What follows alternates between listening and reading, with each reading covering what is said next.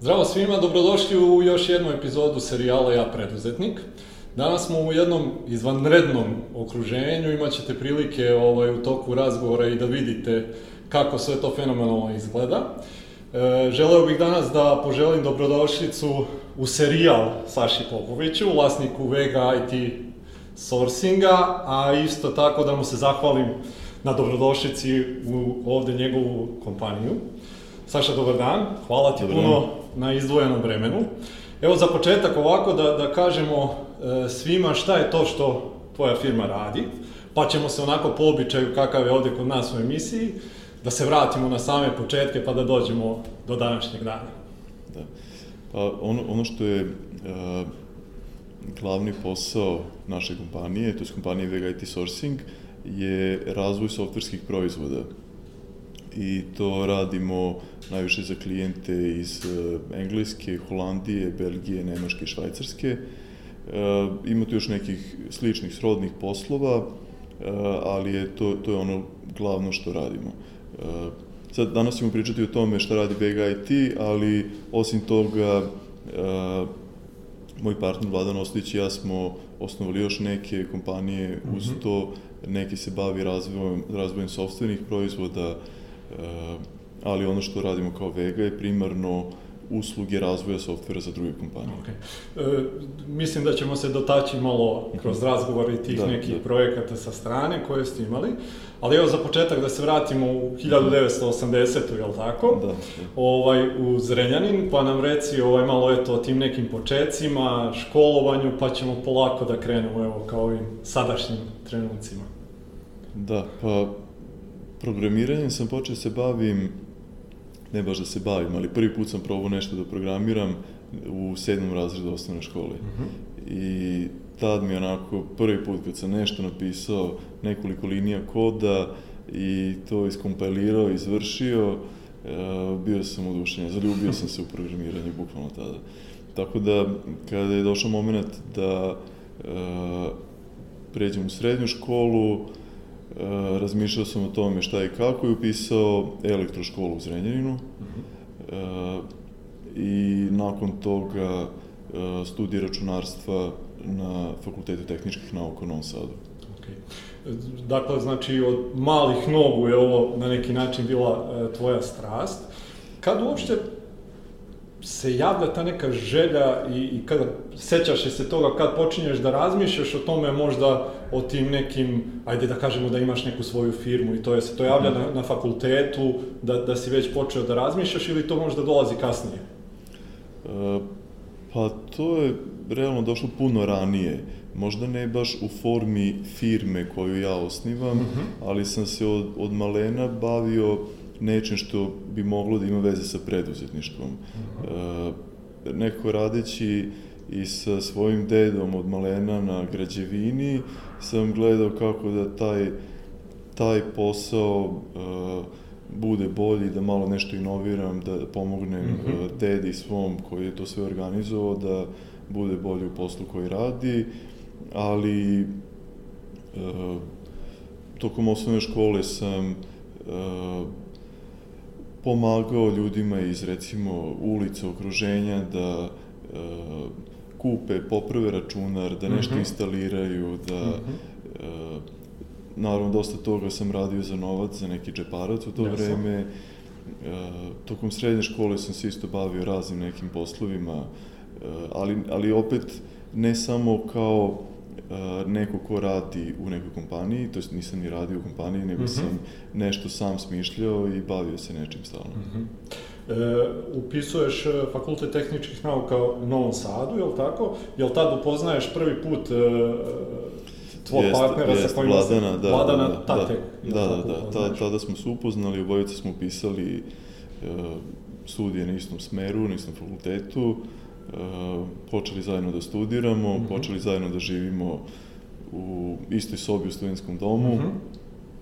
i tada smo počeli i da razmišljamo o tome kako ćemo jednog dana možda imati svoju kompaniju. Aha, dobro. Uh, iskreno tada smo razmišljali o tome uh, kako treba prvo da odemo u Nemačku. Neko je u to vreme bilo to uh, valjda najnormalnije, najuobičajenije da ljudi nakon studija, nakon studija naše struke odu u Nemačku. Mm -hmm. Pa smo tako mi razmišljali o tome da ćemo verovatno otići u Nemačku, da ćemo tamo zaraditi neki prvi novac, naučiti nešto i onda ili tamo osnovati kompaniju ili možda eventualno to uraditi u Srbiji. Mm -hmm. To vam je znači bila neko, neko vaše razmišljanje, neko jest, planiranje. Jest, Šta da. se desilo u praksi? Pa u praksi se desilo to da prvo puno toga smo naučili i na fakultetu mm -hmm. i mhm. samostalno programirajući svoje slobodno vreme. Mm -hmm. Osim toga, dobili smo priliku da radimo u nekoj domaćoj IT firmi u to vreme, kasnije u, u holandskoj firmi mm -hmm. i videli smo da i u Srbiji može i da se zaradi dobro mm -hmm. u ovoj struci a i neko osjećaj nam je bio da možemo bez odlaska u inostranstvo uh mhm. -huh. da počnemo, počnemo nešto sami ovde. Uh mhm. -huh. e, za tu holandsku firmu ste radili ovde u Srbiji? U Srbiji, da. da, da. Znači to je bio kao neka vrsta posla koju su oni vama dali, vi ste to ne, radili ne, za njih to, ovde? Ili? Ne, to je baš bila u pitanju holandska firma koja ima svoj razvojni centar Aha, ovde. I vi ste bili zaposleni? Bili smo zaposleni, radili tu nekoliko godina, uh, stekli dosta znanja i iskustva uh mhm. -huh. radeći za tu kompaniju, uh, naučili smo koje su te, to dobre prakse koji holandjani koriste u svojim kompanijama. Mm -hmm. Takođe smo se trudili da vidimo šta je to što bi moglo da se unapredi kako bi e, takav biznis bio još bolji. Mm -hmm. I onda kada smo odlučili da osnovimo svoju kompaniju, trudili smo se da uzmemo uh, najbolje od onog što smo naučili iz, u toj holandskoj kompaniji mm -hmm. uh, i da ove neke stvari koje nam možda nisu bile uh, idealne probamo da unapredimo mm -hmm. kod nas. Šta vas, da kažem, gura u tom pravcu da vi odlučite da, da ipak osnujete, pretpostavljam da u tom trenutku za srpske uslove vi vjerovatno imate lepo neko primanje, da. ovaj, ne morate da razmišljate ni oko čega što se bar tog dela tiče. Šta vas gura u, u tom smeru da, da odlučite da, da osnujete vašu firmu? Da. Pa, prvo želeli smo slobodu, uh mhm. -huh. želeli smo slobodu da uh, sami donosimo odluke, uh -huh. da mhm. utičemo na to šta i kako ćemo raditi, uh, ili bar u nekoj većoj meri, Dobro. jer opet to zavisi od klijenata. uh, ali i želi, želi smo nešto da stvaramo, nešto, uh, nešto što, što je naše, što mi uh -huh. sami stvaramo. Tako da to su, to su nam bili neki glavni motivi, jesmo tada jako dobro zarađivali, uh, a iskreno u tom momentu uslovi nisu možda bili idealni uh, u tom momentu kada smo planirali, to jest razmišljali o snivanju kompanije, uh, ja sam se neposredno pre toga oženio, supruga mi je bila trudna, podigao sam kredit za stan, vozio automobil na leasing, Mm -hmm. i u pitanju je bilo 2008. godina, to je početak globalne finansijske krize, tako da uslovi definitivno nisu, nisu bili idealni, ali naša želja da uh, imamo svoju slobodu i da nešto stvaramo bila puno jača od toga da. kakvi su uslovi u tom okay. momentu. Znači, vi se 2008. odlučujete na, na otvaranje vaše da. firme, u tom trenutku ste samo vas dvojice tu ili... Uh, Vladan čak nije bio tu u tom momentu, uh -huh. uh, on je prve dve godine bio i dalje zaposlen, ali u nekoj drugoj kompaniji u Holandiji, živeo je tamo i radio tamo, tako da on mi se kasnije pridružio. Bio je osnivač kompanije sa mnom uh mhm. -huh. i na, na dnevnom nivou smo bili u komunikaciji, uh mhm. -huh. zajedno planirali posao i, i razmišljali o tome šta je kako da uradimo, ali nije bio tu fizički prisutan. Da, da. Uh, imali smo jednog kolegu zaposlenog u tom prvom momentu, uh, koji je bio odličan programer, i, i mene koji sam radio sve ostale poslove. Aha. Od eh, pranja sudova i čišćenja kancelarije eh, do uh, programiranja, vođenja projekata, dogovaranja poslova s klijentima i tako dalje. Ko, ko su vam u tom prvom trenutku klijenti? Je li to neko ovde sa tržišta Srbije ili ste iskoristili Nije. te neke konekcije koje ste imali ranije?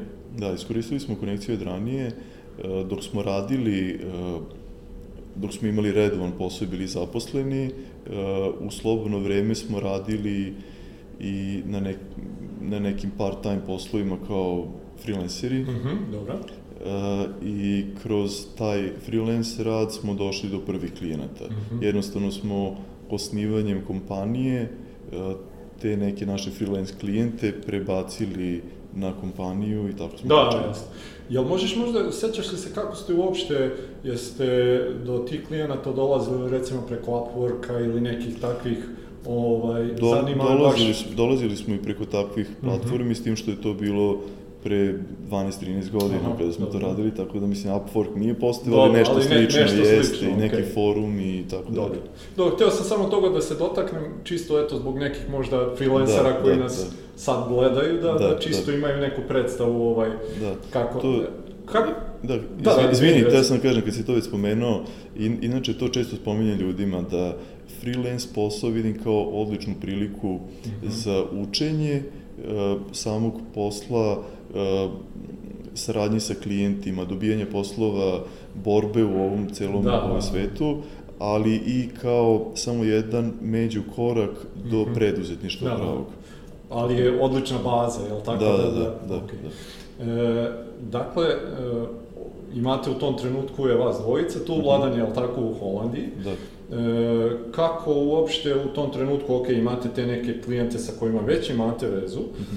Kako uspevate da ost- ostvarite neki rast, da to ovaj, e, krene nekim, nekom uzlaznom putanjem? Pa, jako smo se trudili oko tih klijenata, ali kad kažem jako, baš, baš jako. Mhm. To da, davali smo maksimum od sebe da bi ti klijenti bili ne zadovoljni, nego oduševljeni našim radom. Okay. I to toliko oduševljeni da im nije padalo na pamet da traže nekog drugog. Mhm. Što znači da, da bismo uvek sa klijentom ili održavali količinu posla koju smo imali do tada, ili bi se to povećavalo. Mhm. Osim toga, a, ti klijenti, pošto su bili toliko zadovoljni našim radom, su nas preporučivali drugima. I, i to je taj princip uh, word of mouth uh, nam je od tada pa do sada doneo najviše posla. E, Koliko vremenski otprilike traje to gde ste vas trojica samo u firmi? Kad se javlja prva potreba za, za dodatnim ljudima koje... Odmah smo zapošljavali, Mhm. odmah smo, mislim da nakon možda pola godine smo dobili prvi veći projekat Mhm. i to, to kad kažem veći, mislim baš za nas tada jako velik projekat. Mhm. E, Projekat na kojem je trebalo da radi osmoro, deveto ljudi svakog dana puno radno vreme na neki period od desetak meseci. Znači, Mhm. ogroman projekat za jednu veliku banku iz Holandije Mhm. i to smo dobili e, zbog toga što, to jest nismo direktno radili to za tu banku, Aha, nego, dobro. nego preko uh, jednog klijenta iz Holandije. Mhm. Uh, oni su isto software development kompanija i za njih smo radili nekoliko projekata pre toga, nek- nekoliko manjih projekata, bili su jako zadovoljni i verovali su da mi to možemo da iznesemo. Iako u tom momentu mislim da nas je bilo četvoro u firmi, Mhm. Uh, a dobili smo projekat na kojem je trebalo da radi sedmoro, osmoro, devetoro Da. ljudi, zavisi u, u kojim fazama koliko. Uh, I taj projekat nam je omogućio da, uh, da, da zaposlimo dosta ljudi, da, da se razvijemo na razne načine i da zaradimo prvi ozbiljni novac. Ali ujedno nam je taj projekat uh, omogućio i da naučimo jako puno, uh, zbog toga što smo imali ozbiljnu krizu nakon što se završio taj projekat. Aha. E, nekih, mislim da je sve zajedno, sam projekat je traje desetak meseci, plus, plus još jedno dva meseca e, nekog ma, možda malo manje rada e, i nakon toga je to stalo. Mhm. I mi smo ostali sa čini mi se u tom momentu sedmoro ljudi bez posla Mhm. i još nekoliko ljudi koji imaju nešto posla, ali, ali nedovoljno da bismo mogli da e, pokrijemo mesečne troškove. Mhm. Tako da smo imali period od nekih 6-7 meseci kada smo više trošili nego što smo imali prihoda. Mhm. Kako ste uopšte rešili taj izazov u tom trenutku? Kako ste došli do, do, do novih poslova, Mhm. da uspete da uposlite te ljude već koje imate? Pa jedna stvar je to što smo, prvo onaj novac koji smo zarađivali prethodnih godinu dana nismo potrošili, Mhm. nego smo ostavili u firmi, tako da nam je to omogućilo da preguramo taj period bez da moramo da otpustimo otpustite, bilo koga. Osim toga, sve što smo imali, sve što je bilo višak, smo ulagali. Ulagali smo to u neka tehnička partnerstva, u sertifikacije, u neke stvari koje će nam uh, dati dodatni kredibilitet na tržištu, koje će nam omogućiti da se povežemo sa potencijalnim klijentima, da stvorimo partnerstva koje će nam opet uh -huh. dati potencijalne klijente i tako okay. dalje. Drago mi baš da si to rekao, obzirom da, da smatram to jednom jako vrednom lekcijom, pogotovo za, za mlađe, ali i za neke ove starije preduzetnike, da taj novac koji firma zaradi je jako bitno reinvestirati u samu firmu, vi ako da, ga da. izvučete da. za vaše neke lične potrebe i to, to je onda ogroman gubitak za samu yes, firmu. Yes. Vi da recimo niste u tom trenutku uradili to pametno na taj način, pitanje je uopšte šta bi sa kompanijom se desilo nakon toga. Jeste, jeste, da. E, naučili smo više stvari, naučili smo prvo to da moramo da imamo neke rezerve, uh mhm. -huh. da moramo da ulažemo, ali da u momentu kada nam ide dobro ne smemo da se opuštamo. Mhm. -huh. Jer mi smo tada imali taj neki duži period kada su jednostavno ljudi bili uposleni, zapošljavamo nove ljude, sve odlično funkcioniše da, da. i to je to, nekako smo se opustili. Da, da, da. A trebali smo tada kada nam je išlo najbolje da ulažemo, da e, tražimo dodatni posao, da smanjimo rizik od toga što zavisimo samo od jednog velikog klijenta. Mhm. -huh. Znači, Da, da, Sve što da, smo mogli da pogrešimo, pogrešili smo da, u tom prvom periodu. Dobro. E, reci mi, kako onda uspevate, šta ste promenili kod vas samih, da ste mhm. uspeli, znači, da u tom trenutku ne odete dole, nego da uspete da se održite, da tako kažem, na tom nivou i da nastavite da, da rastete. Da. Pa dobro, ovo što sam spomenuo da smo imali, da nismo potrošili novac, da smo imali te neke zalihe, to je onako intuitivno nekako ove, bilo i pokazalo se kao dobro i naučili smo da u stvari tako treba. Kasnije smo i čitali puno na tu temu i, mhm. i onda dobili kroz uh, istraživanja uh, raznih ljudi potvrdu da tako stvarno treba. -huh. uh, ali glavno je ovo da stalno moramo da ulažemo, da stalno moramo da rastemo, da ako se povećava količina posla kod jednog klijenta i tu imamo neki vertikalni rast, uh mhm. -huh. da moramo da rastemo i u broju klijenata i da diversifikujemo da. to na razne načine, tako da a, gubitak jednog klijenta a, ne utiče previše negativno na naše poslovanje i naš opstanak. Kako ste dolazili, jeste e, koristili e, i dalje recimo da ste vi kontaktirali neke firme, da biste dobili nove klijente ili dalje samo ta, da kažem, preporuka od usta do usta bila dovoljna? Bilo je preporuka i bilo je to ulaganje u partnerstva. Aha. To nam isto donosilo uh, neki posao, ali najviše i dalje išlo uh, uh -huh.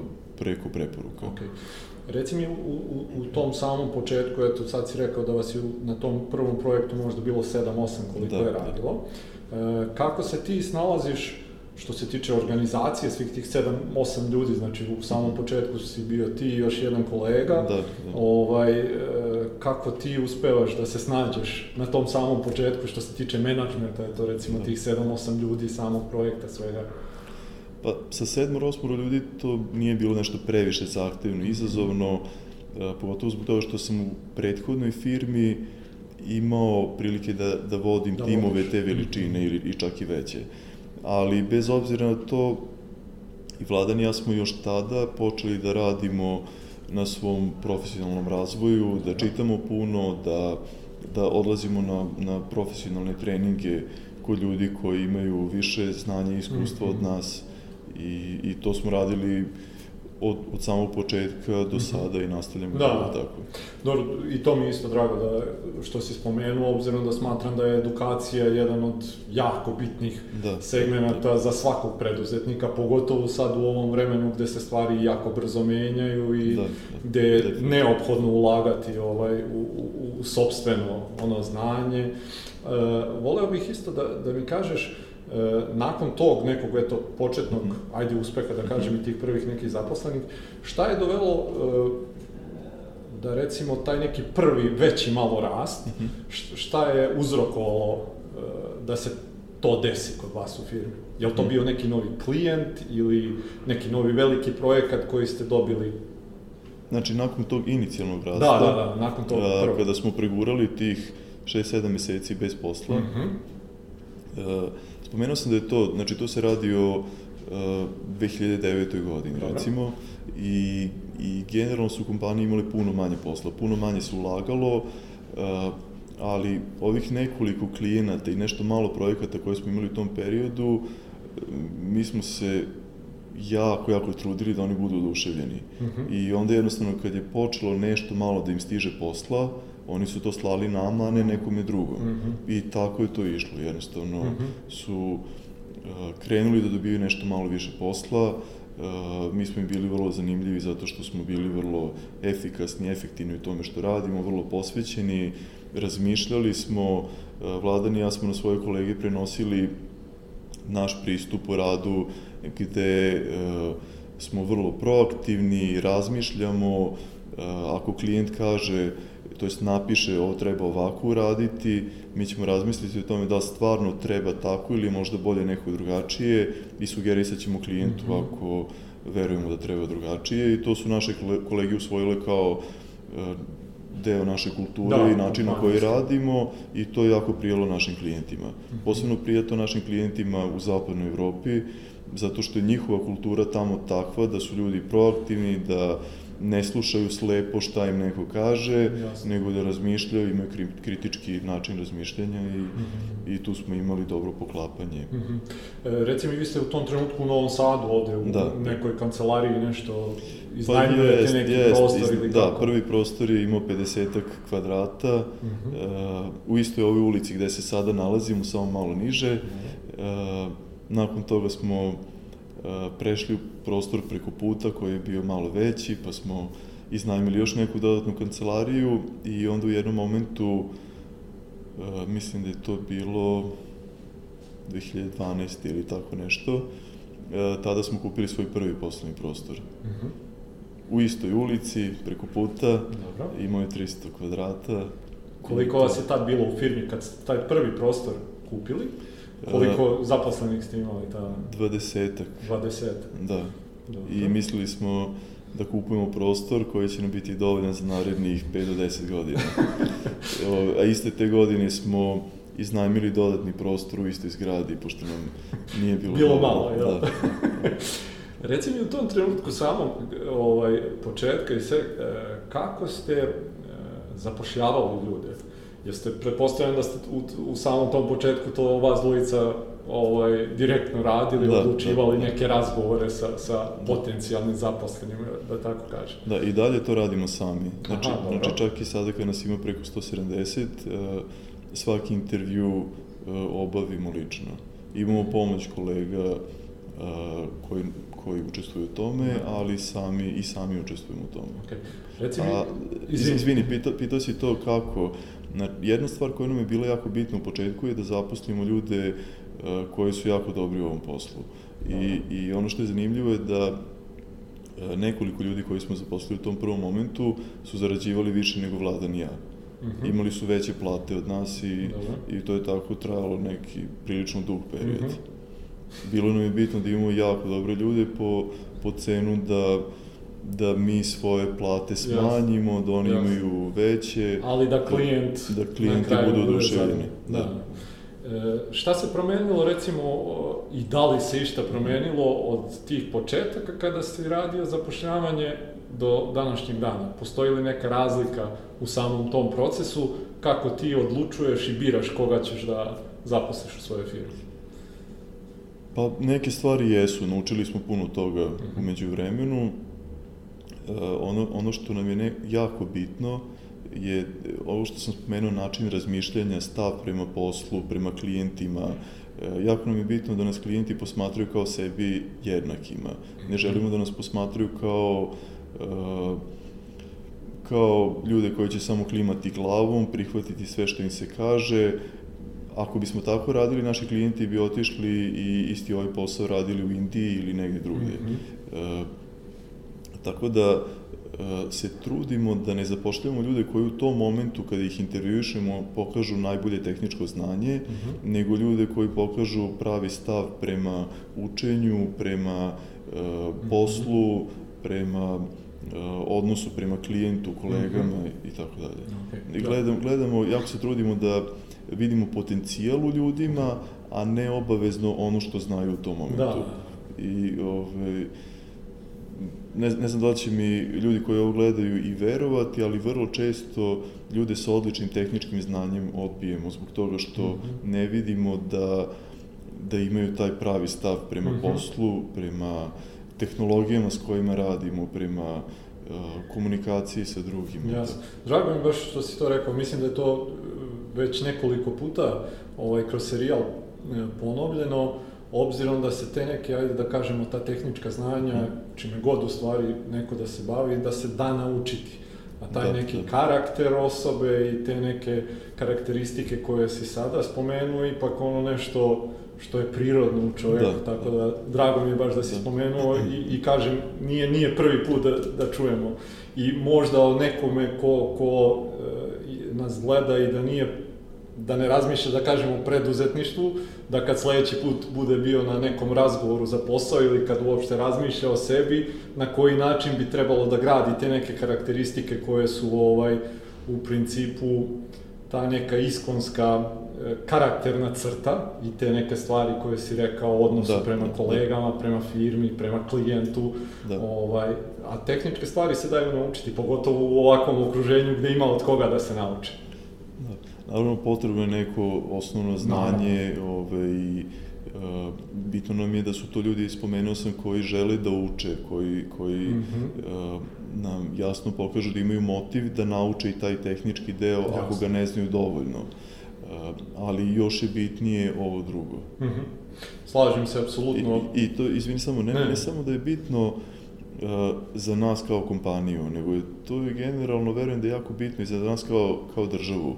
Mm -hmm. Zato što ako uh, većina kompanija bude razmišljala i radila na taj način, onda imamo šanse da opstanemo na tržištu gde se smanjuju cene, gde se pojavljuju mm -hmm. kompanije uh, s nekih destinacija gde su uh, niži troškovi, poslovanje Jasne. i tako Jasne. dalje. Mi možemo da budemo konkurentni ako za svoju višu cenu dajemo neku dodatnu vrednost. Tako je. Da. Slažem se baš, ovaj, mislim da generalno, sad opet ako gledamo Srbiju, i drago mi je što si to spomenuo, kao takvu, e, nekako mislim da se firme ovde suviše baziraju na to da budu najjeftiniji. A upravo da. to što si ti rekao, ovaj, da pružiš neku dodatnu vrednost klijentu, ok, cena da, uvek da, da. igra važnu ulogu, ali te neke stvari koje si sad spomenuo, mislim da je nešto što bi generalno naše firme trebalo da, da rade na tome i da ne idu samo na to, e, mi smo, možemo da vam ponudimo jeftinu radnu snagu. Da, slažem se potpuno.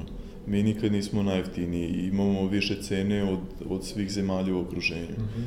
e, tako da, videli smo da to može tako, bitno je samo to da naši klijenti vide vrednost u tome. Tako. Da vide zašto im je bolje da plate nešto višu, recimo cenu sata nama, nego nešto manju nekoj kompaniji u Ukrajini ili Bugarskoj, jasne. da ne pričamo o Indiji. Da, da. E, vi ste od samog početka nekako, e, ovaj, kako je to sve išlo, korak po korak bili izvozno orijentisani. Jeste uopšte radili bilo šta sa, sa firmama ovde, sa, sa, iz nismo, Srbije? Ne? Nismo, nismo. Imali, imali smo za ovih deset godina jednog klijenta u Srbiji, uh -huh. uh, i to preko nekog poznanstva nešto smo malo uradili i to je to. Mm -hmm. To je više bilo slučajno, ali, ali skoro, skoro sav posao koji radimo je za inostranstvo. Okay.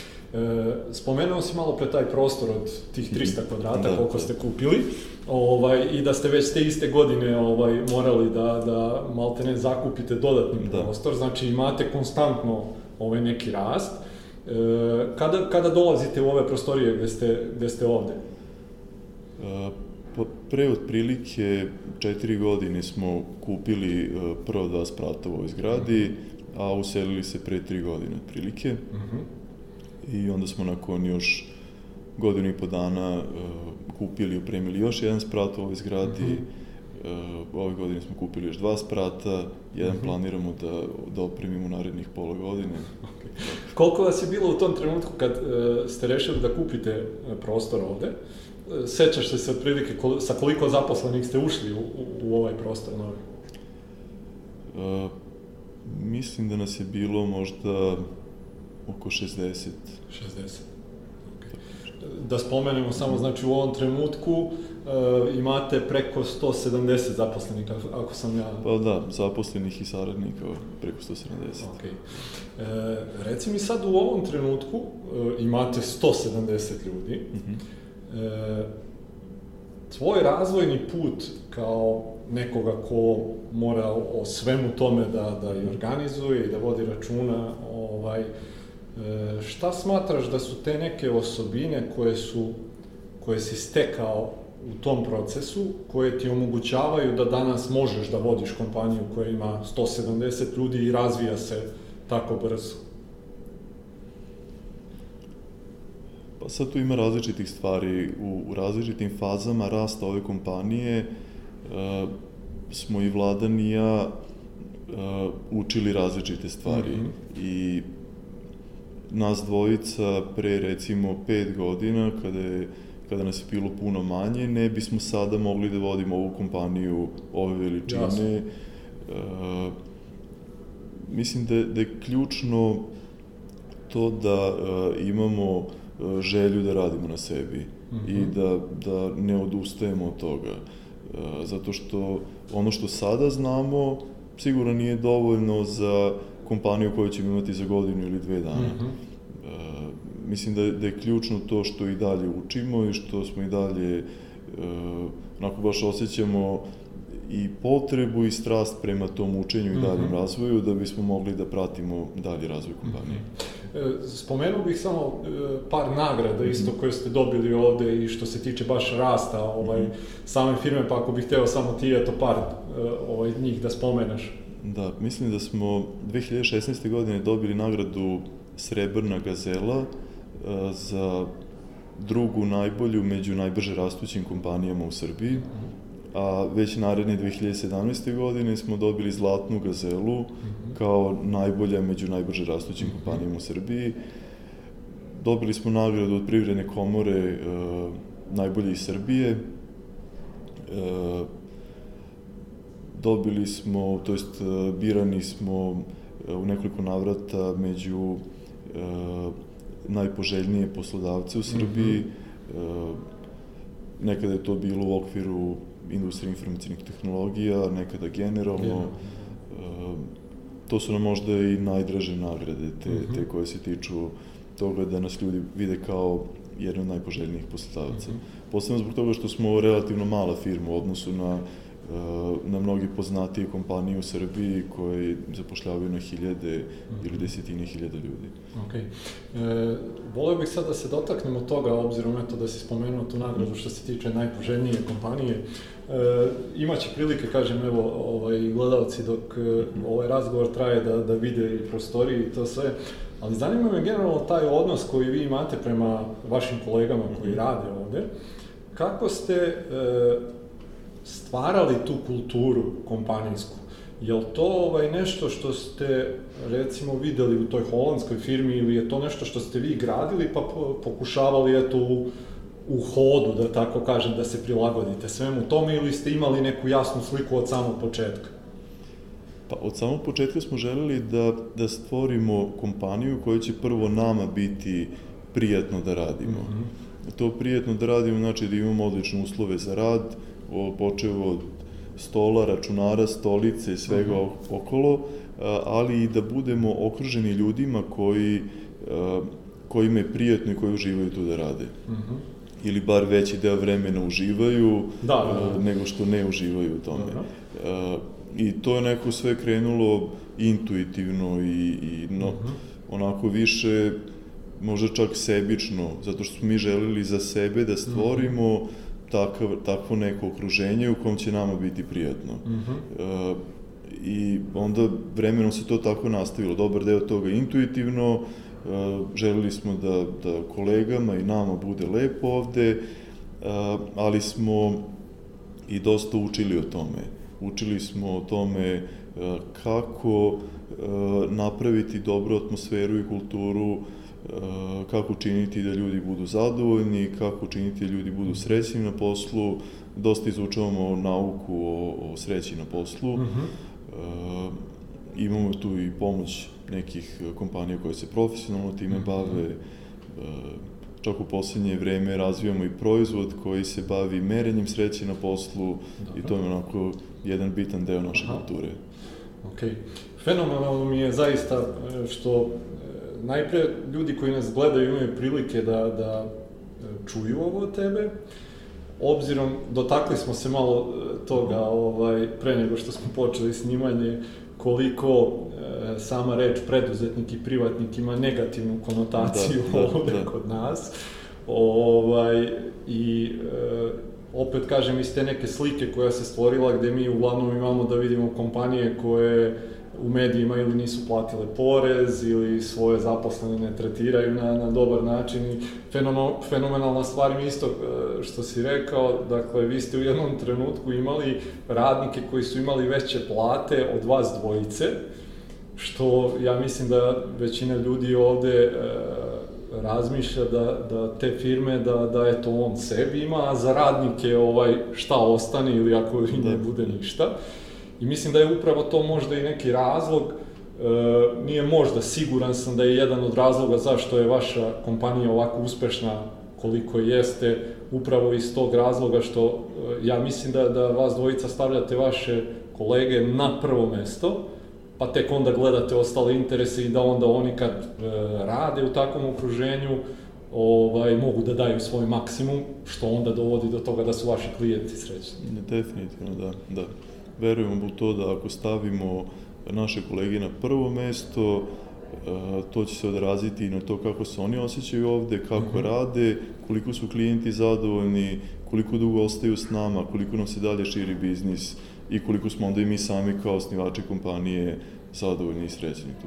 Okay. E, mnogo mi je drago da, da, da svi mladi, pogotovo, a i ovi koji su već u, u, u ovaj, preduzetništvu neko vreme, smatram taj stav koji vi imate jako bitnim, da, da i mislim da bi generalno na, na nivou cele Srbije donelo mnogo ovaj promena kad bi vlasnici firmi usvojili ovaj taj način razmišljanja.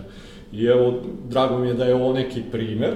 Imali smo još par ovakvih, kažemo, ovaj, i upravo je to i želja i moja i celog tima da prikažemo ovaj Srbiji celoj kakve firme imamo, da nisu svi takvi kakvi nas ovaj smatraju. E, još jedna stvar koju sam primetio, koja mi je onako izuzetno ovaj, e, bitna i što se tiče edukacije vaših ovde kolega, vi mhm. konstantno radite na tome, uh, društvenost je isto odgovorna firma, malo eto dotakni se mhm. toga čisto da ljudi imaju predstavu sve šta je to što Vegan da. IT radi. Pa ima puno toga. Sad, što se tiče uh, edukacije našeg ličnog i profesionalnog razvoja, uh, prvo krećemo od toga da postičemo kolege da delju, dele znanje međusobno. Uh -huh. uh, I to radimo kroz, na primer, neka predavanja koje imamo skoro svake nedelje ovde kod nas. Svako može da, da osmisli neku temu ili da se konsultuje sa nekim, da pripremi nešto i da drži predavanje. E, takođe su to radionice koje održavamo isto međusobno jedni mm -hmm. za mhm. druge i e, možda najveći od takvih događaja je e, naša interna konferencija. E, baš ovog vikenda imamo, to je sledećeg vikenda imamo e, drugu po redu star konferenciju na kojoj će biti preko 150 ljudi, mm -hmm. gde e, kompletna organizacija se, e, to je sve organizovano od strane naših kolega, predavači su ovaj, naše kolege, da. E, publika takođe, uključujući naš alumni, e, to je kolege koji su radili sa nama ranije. To, to je nešto što radimo sami. Osim toga, pozivamo profesionalce koji se bave edukacijom ili, ili, ili su inženjeri koji se bave ovim poslom kao i mi, ali ali rade i treninge, predavanje ostalo. Pozivamo ih da nas posete, da da održe predavanje i radionice za naše kolege e, i to je nešto što redovno organizujemo. Poslednje četiri nedelje smo imali e, dve grupe koje su radile sa eksternim e, predavačem na unapređenju nekih znanja, veština kroz radionice koje su održane vikendom, čini mi se. Mm -hmm. to je onaj tehnički deo edukacije, ali E, imamo redovno organizovane i ove ne, to jest radionice predavanja koje se tiču netehničkih veština ili soft mhm. skills Dobre. veština. To radimo i interno, imamo kolege iz People Operations tima koji su psiholozi, profesionalni treneri i, i dobri su u tome da, da nas uče ovim netehničkim veštinama, ali pozivamo ljude sa strane ili organizujemo da naše kolego, kolege odu u, u škole koje se profesionalno bave time uh -huh. uh, i da dobiju neku dodatnu edukaciju na tu temu. Uh -huh. uh, osim toga, uh, nove kolege koje nam se pridružuju uh, imaju uh, sa nama neki uvodni sastanak na kom pričamo o tome uh, kako funkcionišemo i zbog čega radimo određene stvari na određeni način. Uh, napisali smo i neku manju knjigu na tu temu, knjigu organizacijone kulture naše, mm -hmm. gde, gde smo se trudili da objasnimo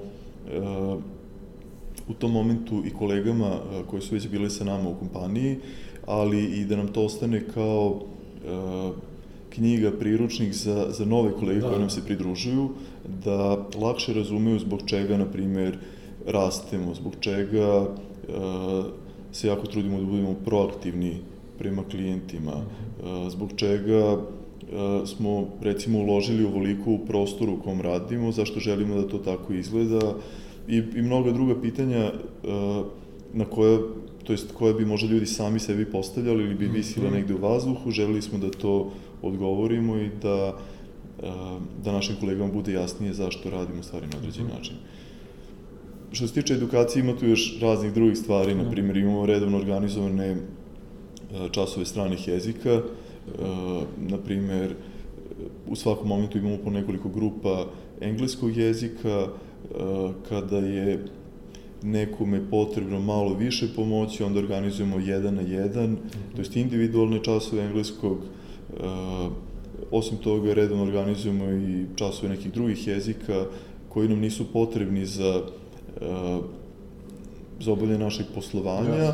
ali verujemo da učenje bilo čega nam pomaže da se razvijamo na, na ličnom i profesionalnom nivou. Video sam da imate e, i za vaše ovde kolege mogućnost što se tiče sportskih aktivnosti i tako, posebnu pažnju poklanjate da, i da. zdravom životu. Da, trudimo se dosta da promovišemo zdrav način života i da edukujemo kolege u vezi toga koliko je bitno da se vežba, da se da se vodi zdrav način života, da se zdravo jede i, i da se mhm. odmara dovoljno i, i tako dalje. Poslednja, poslednja informacija koju sam vidio je da preko 60% naših kolega aktivno vežba. I, i to su yoga, crossfit, teretana, košarka, futbal, razni neki drugi sportovi. Da, i to je na neki način sve što je vaša kompanija organizovala za njih, je li tako? Pa da, uglavnom je tako. Da, Okay. Tako, imamo neke programe koji dodatno mogu da motivišu ljude da ili da krenu da vežbaju ili da dodatno vežbaju. Uh -huh. uh, na primjer, imali smo nekoliko navrata uh, neke akcije koje recimo traju 21 dan, gde mhm. kolege sebi unapred zadaju neki cilj i onda pratimo to tokom tih 21, 21 okay. dana i ovaj, probamo da nešto promenimo. Neki su tako krenuli da vežbaju, nisu vežbali da, pre toga, krenuli su tako. Trenutno imamo nešto, neki Fit Life program gde kolege svakog dana beleže kakve su imali uh, sportske aktivnosti, sabiramo neke poene, bit će neke nagrade i tako da. Ok, fenomenalno. E, reci mi, što se tiče donošenja odluka, mhm. koje su vezane za kompaniju uopšte, kakav je tvoj e, sam proces do, recimo, imaš neku situaciju, treba da se donese neka odluka, jel to uglavnom ide uz konsultaciju sa vladanom, razgovarate o tome, sam taj proces me malo zanima, ovaj, kako funkcioniše? Da, pa većinu odluka donosimo zajedno, uh -huh. Svakog dana se bar jednom sastanemo i prođemo kroz neka pitanja koje imamo, uh -huh. uh, vrlo često uključujemo i druge kolege u to odlučivanje, E, imamo još jednu partneru u firmi, Bobana, e, kada je recimo pitanje koje se na neki način tiče i njega i njegovog dela posla, uključimo njega, e, uskoro sve uključujemo ljude iz našeg People Operations tima, uh -huh. Nekad ćemo uključiti možda nekog ko se bavi marketingom ili nekim drugim poslom, ali uglavnom tražimo pomoć i od kolega. Uh -huh. Ali pretpostavljam da ste na kraju dana ipak vas dvojica da, ti da. koji morate, da kažem, da presečete jeste, je li tako? Jeste, da. Kako ti taj ceo pritisak, obzirom da sad vodite kompaniju koja ima skoro 200 zaposlenih, sad i odluke imaju veću težinu, kako se nosite sa tim kad treba da odlučite možda tako neku bitnu stvar? E, kako e, i uopšte imali pritiska i stresa prilikom donošenja takvih odluka?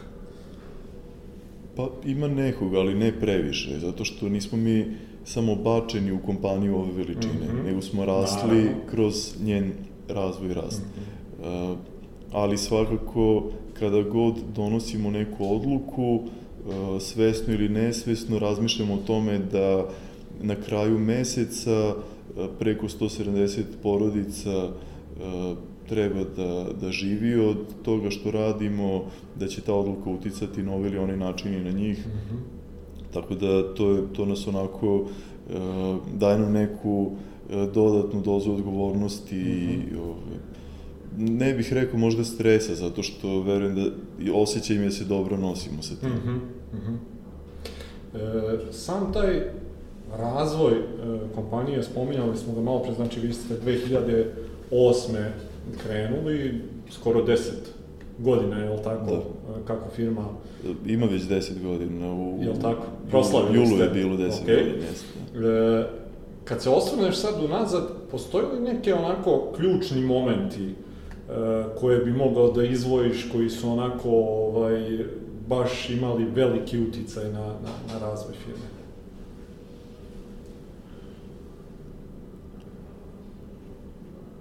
Pa iskreno ne mogu se setim nekih, nekih mm -hmm. tako ključnih momenta.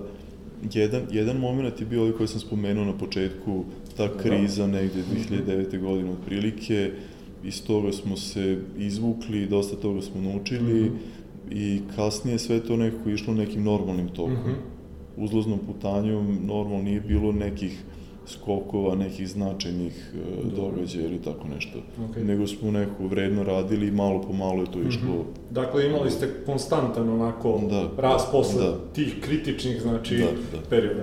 Ali, e, definitivno da je taj moment mm -hmm. e, bio na neki način izazov iz koga ste naučili vredne lekcije yes. koje vam kasnije su pomogle da, da nemate te neke ovaj padove. Da. Generalno mislim da je to što se preduzetništva celokupno tiče, da ti neki izazovi koji dolaze ispred nas nam nose neke lekcije koje nam kasnije pomažu da, da, da se treba onako malo fokusirati na te teške trenutke i izazove koje imamo, pokupiti neka znanja, ako ih ne pokupimo tu, onda bi verovatno se u nekom budućem periodu slična stvar desi koja nas natera da, da, da to nešto naučimo.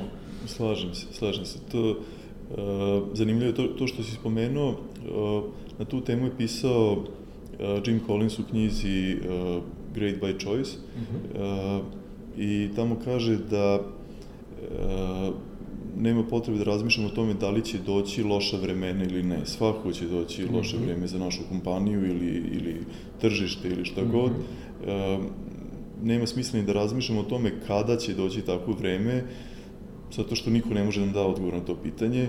Jedino što možemo da uradimo je da budemo uvek spremni. Mm -hmm. I mi smo tada neko, možda smo imali i sreće ili šta već u tom momentu, uh, i nešto je bilo intuicije, uspeli smo se izvučemo, ali nakon toga smo bukvalno uh, svakog meseca imali u vidu to da već sledećeg meseca možemo da imamo neku tešku situaciju i da mhm. moramo da budemo spremni. Mm -hmm. Taj mentalni stav uopšte, ovaj, eto sad koji se spomenuo, znači da, da na neki način i očekuješ da ćeš imati ovaj, e, teška vremena, da, da, da ćeš imati određene izazove, ovaj, da ćeš možda usput imati neuspehe, ovaj, jesi to imao od samog početka ili si gradio isto njega da, da dođeš do, do ovog momenta kako ti on izgleda sad? Pa, naučio sam dosta kroz, kroz tu kriznu mm -hmm. situaciju na početku, a onda nek, nekako to je bilo logično kada smo prošli kroz to, jednostavno smo naučili. Kasnije sam nakon nekoliko godina čitao baš ovu knjigu koju sam spomenuo, mm -hmm. Jima Collinsa, pa mi je bilo zanimljivo da vidim da je u stvari to bio e, recept za uspeh mnogih kompanija koje su uspele da duže od 30 godina budu uspešne na tržištu. Mm -hmm. Dakle, generalno, e, kad pogledam iz tvoje priče, e, edukacija koju ste obojica i ono što insistirate i da sa vašim kolegama koji dolaze u firmu i koji su tu već je neki temelj na, na, na kojima cela kompanija počiva. Da, da, definitivno. E, kad bi sad recimo, pošto dosta nas onako ovaj, mladih ljudi gleda koji su tu negde da razmišljaju oko pokretanju svoga posla ili su tu negde na, na, na početku, šta je tih nekih par stvari koje bi ti izdvojio ovako nakon eto 10 godina iskustva sa svojom firmom, nekih par saveta koje bi im ovaj, dao za, eto kažem, sam početak? Pa jedna stvar je, malo pre sam se dotakao te teme, recimo freelance posao. Mm -hmm. To vidim kao odličnu šansu za ljude e, da nauče puno. Najviše da nauče o preduzetništvu. Dakle, to je ono što bih savjetovao e, mladim ljudima, posebno je to lako u industriji u kojoj, u kojoj mi radimo. Mm -hmm. ne kažem da je lako doći do freelance posla, ali relativno je lako, posebno ako neko već ima plaćeni posao od 9 do 5, mm -hmm i uz neki trud može da dođe do dodatnog posla i da stekne puno nekih dodatnih znanja i iskustava i da i osim toga i da naravno napravi mrežu kontakata i da u nekom momentu se odluči da da startuje svoj biznis, da, da osnuje svoju kompaniju. Mm -hmm. to, to vidim kao jedan, jedan onako uh, uh, jednu olakšavajuću okolnost, da, nešto što nam je tu pred nosom svima. Da, znači nema nekog velikog rizika, nego jednostavno... Pa da, da, da. Osim toga, uh, savjetovao bih ljudima da uh, se trude da vreme što bolje iskoriste, da, da ne budu na poslu samo pasivni i da nauče ono što im se E, nekako nametne, pa jednostavno naučit će svako kroz posao,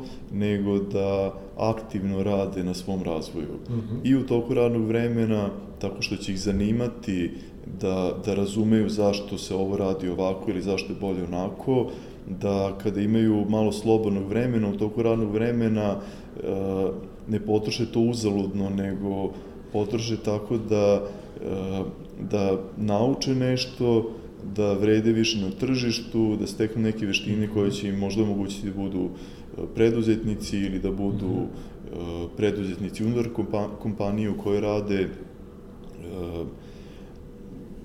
da u slobodno vreme takođe uče. Mi vidimo ogromnu razliku između toga kada se neko, kada neko samo pasivan i kada aktivno uči i u, mhm. slo, i u svoje slobodno vreme. Mm -hmm. I takvi ljudi ili napreduju dobro na poslu, ili steknu E, dovoljno iskustva da i sami nešto kasnije započnu. Mm -hmm.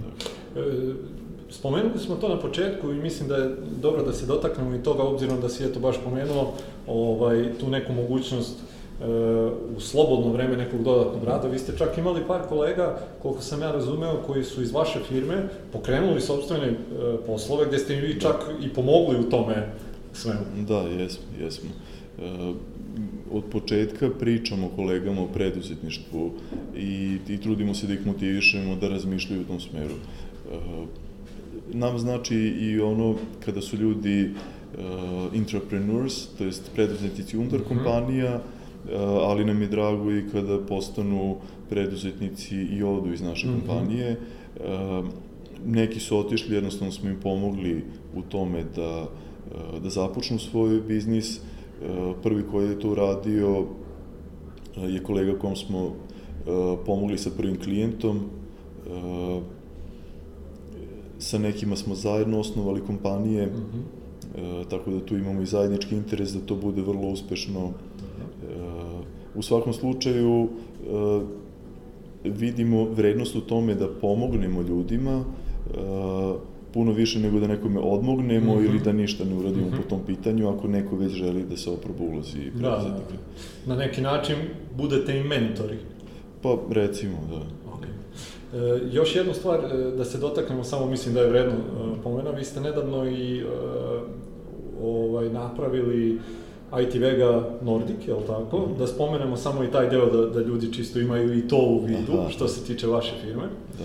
Pa da, to je, to je jedna od kompanija koje smo osnovali u, u prethodnom periodu kao joint venture sa nekoliko ljudi iz Danske i sa Islanda. E, u taj biznis smo uložili naš brand, između ostalog, pa je tako nastala kompanija s nazivom Vega IT Nordic. Mhm. E, ta, ta kompanija je e, sa sedištem u Kopenhagenu, u Danskoj i bavi se prvenstveno uh, business developmentom, prodajom. Okay. E, spomenuo si isto, e, ti si odluku o osnivanju ove firme doneo e, eto, 2008. gde si imao i porodicu i naveo si sve Da, ovaj, te neke stvari. Kako ti je išlo to usklađivanje tih porodičnih obaveza i obaveza koje je kompanija zahtevala od tebe?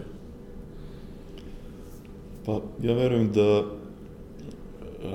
da uvek može, ako se dobro organizujemo, da se nađe dovoljno vremena za sve i trudim se da vreme koje imam za porodicu uh, organizujem i uh, da, da u suštini to vreme provedem najkvalitetnije moguće. Mhm. Da ako imam uh, dva sata vremena da ih provedem sa decom, recimo, da to bude dva sata kvalitetnog vremena provedenog sa decom, a ne dva sata uh, gde oni gledaju u, u televizor Da, ili da. igraju igrice ili tako nešto, Mhm. a malo vremena provedu sa mnom. Tako da nema puno tog vremena, Mhm.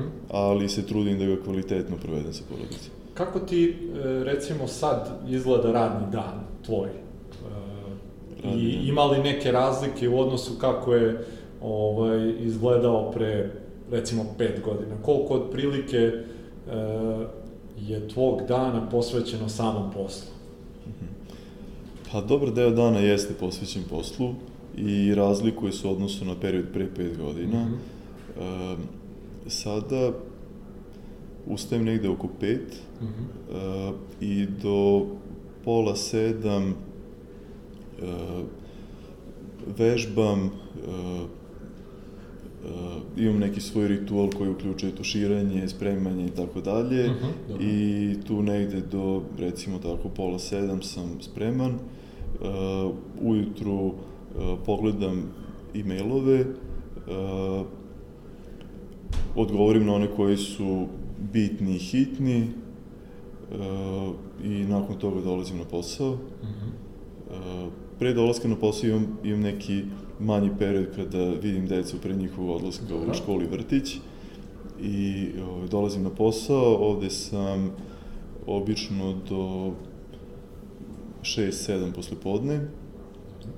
Uh, nakon toga sam kod kuće ili negde uh, sa porodicom uglavnom uh, i negde posle 9, pola 10, kad mi deca odu na spavanje, obično još neko vreme provedem uh, radeći, nekih sat vremena recimo, i pre spavanja čitam bar pola sata. Generalno, znači, tvoj radni dan i dalje je nekih 10 sati otprilike koji su posvećeni poslu, da tako kažem. Pa malo više u stvari. Dobro. ne, drago mi je, volim ovaj što većina evo sagovornika sa kojima smo ovaj, imali priliku da razgovaramo, e, otprilike ima to radno vreme i bitno nam je da mladi ljudi koji nas gledaju shvate e, generalno sad kad pogledate ovaj, Sašu Popovića, koji ima firmu od skoro 200 ljudi, koji u ovom fenomenalnom prostoru i to sve, ovaj, deluje vam da je to onako, ma, lako je ili je Da. palo sa neba i to. U stvari, iza toga je 10 godina, verovatno, takvog rada po Da, 10-12 da, da. sati, možda i više. I da, da ljudi shvate da taj rad koji e, je jednostavno neophodno uložiti. Da. Bez obzira što tvoja firma sad verovatno ti malo da se izmakneš sa strane, to će funkcioniše jer ste postavili dobar sistem i imate kvalitetne ljude, ali u, ukoliko želite, a vi imate želju da rastete i dalje, tih 10-12 sati koji ti dnevno uložiš u posao je neophodno da bi se to desilo, da bi se ostvarilo. Da, slažem se. Po, posebno ako želimo da nastavimo sa takvim rastom. Sad to, to 10-12 sati, to su neke normalne okolnosti, ali vrlo često ima e, slučajeva kada radimo i po 18-20 sati dnevno, kada e, putujemo pa po nekoliko dana vrlo malo spavamo i mm -hmm. e, pokušavamo da što više toga uradimo u tom nekom kratkom mm -hmm. vremenskom periodu. Mm -hmm.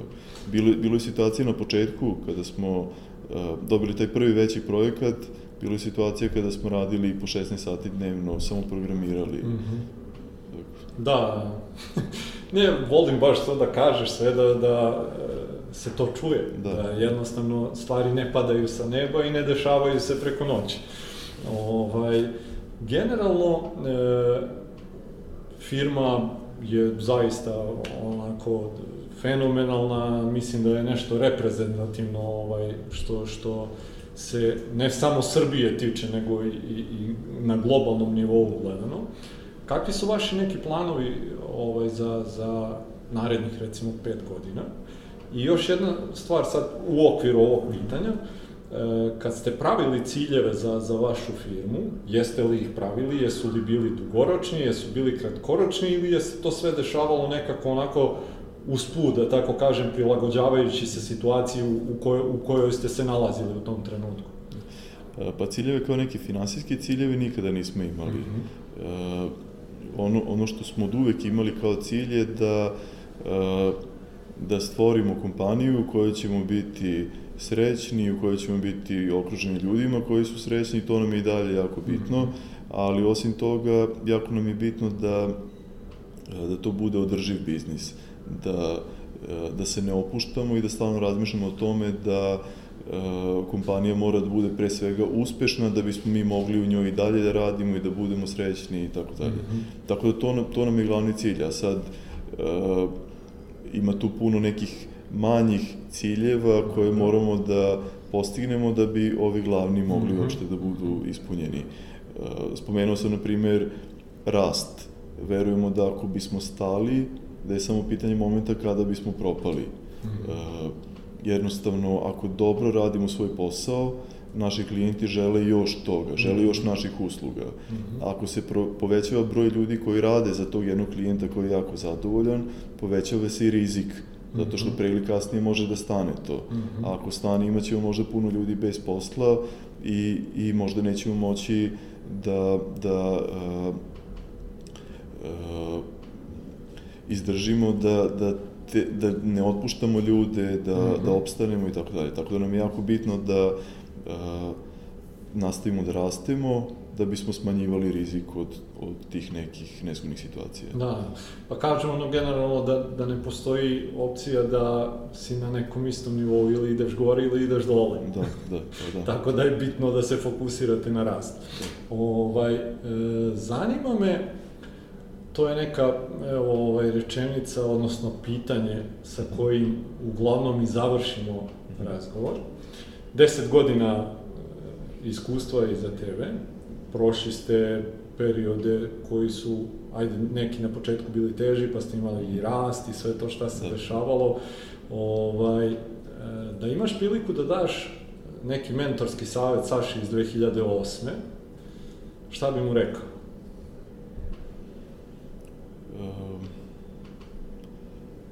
Pa rekao bih mu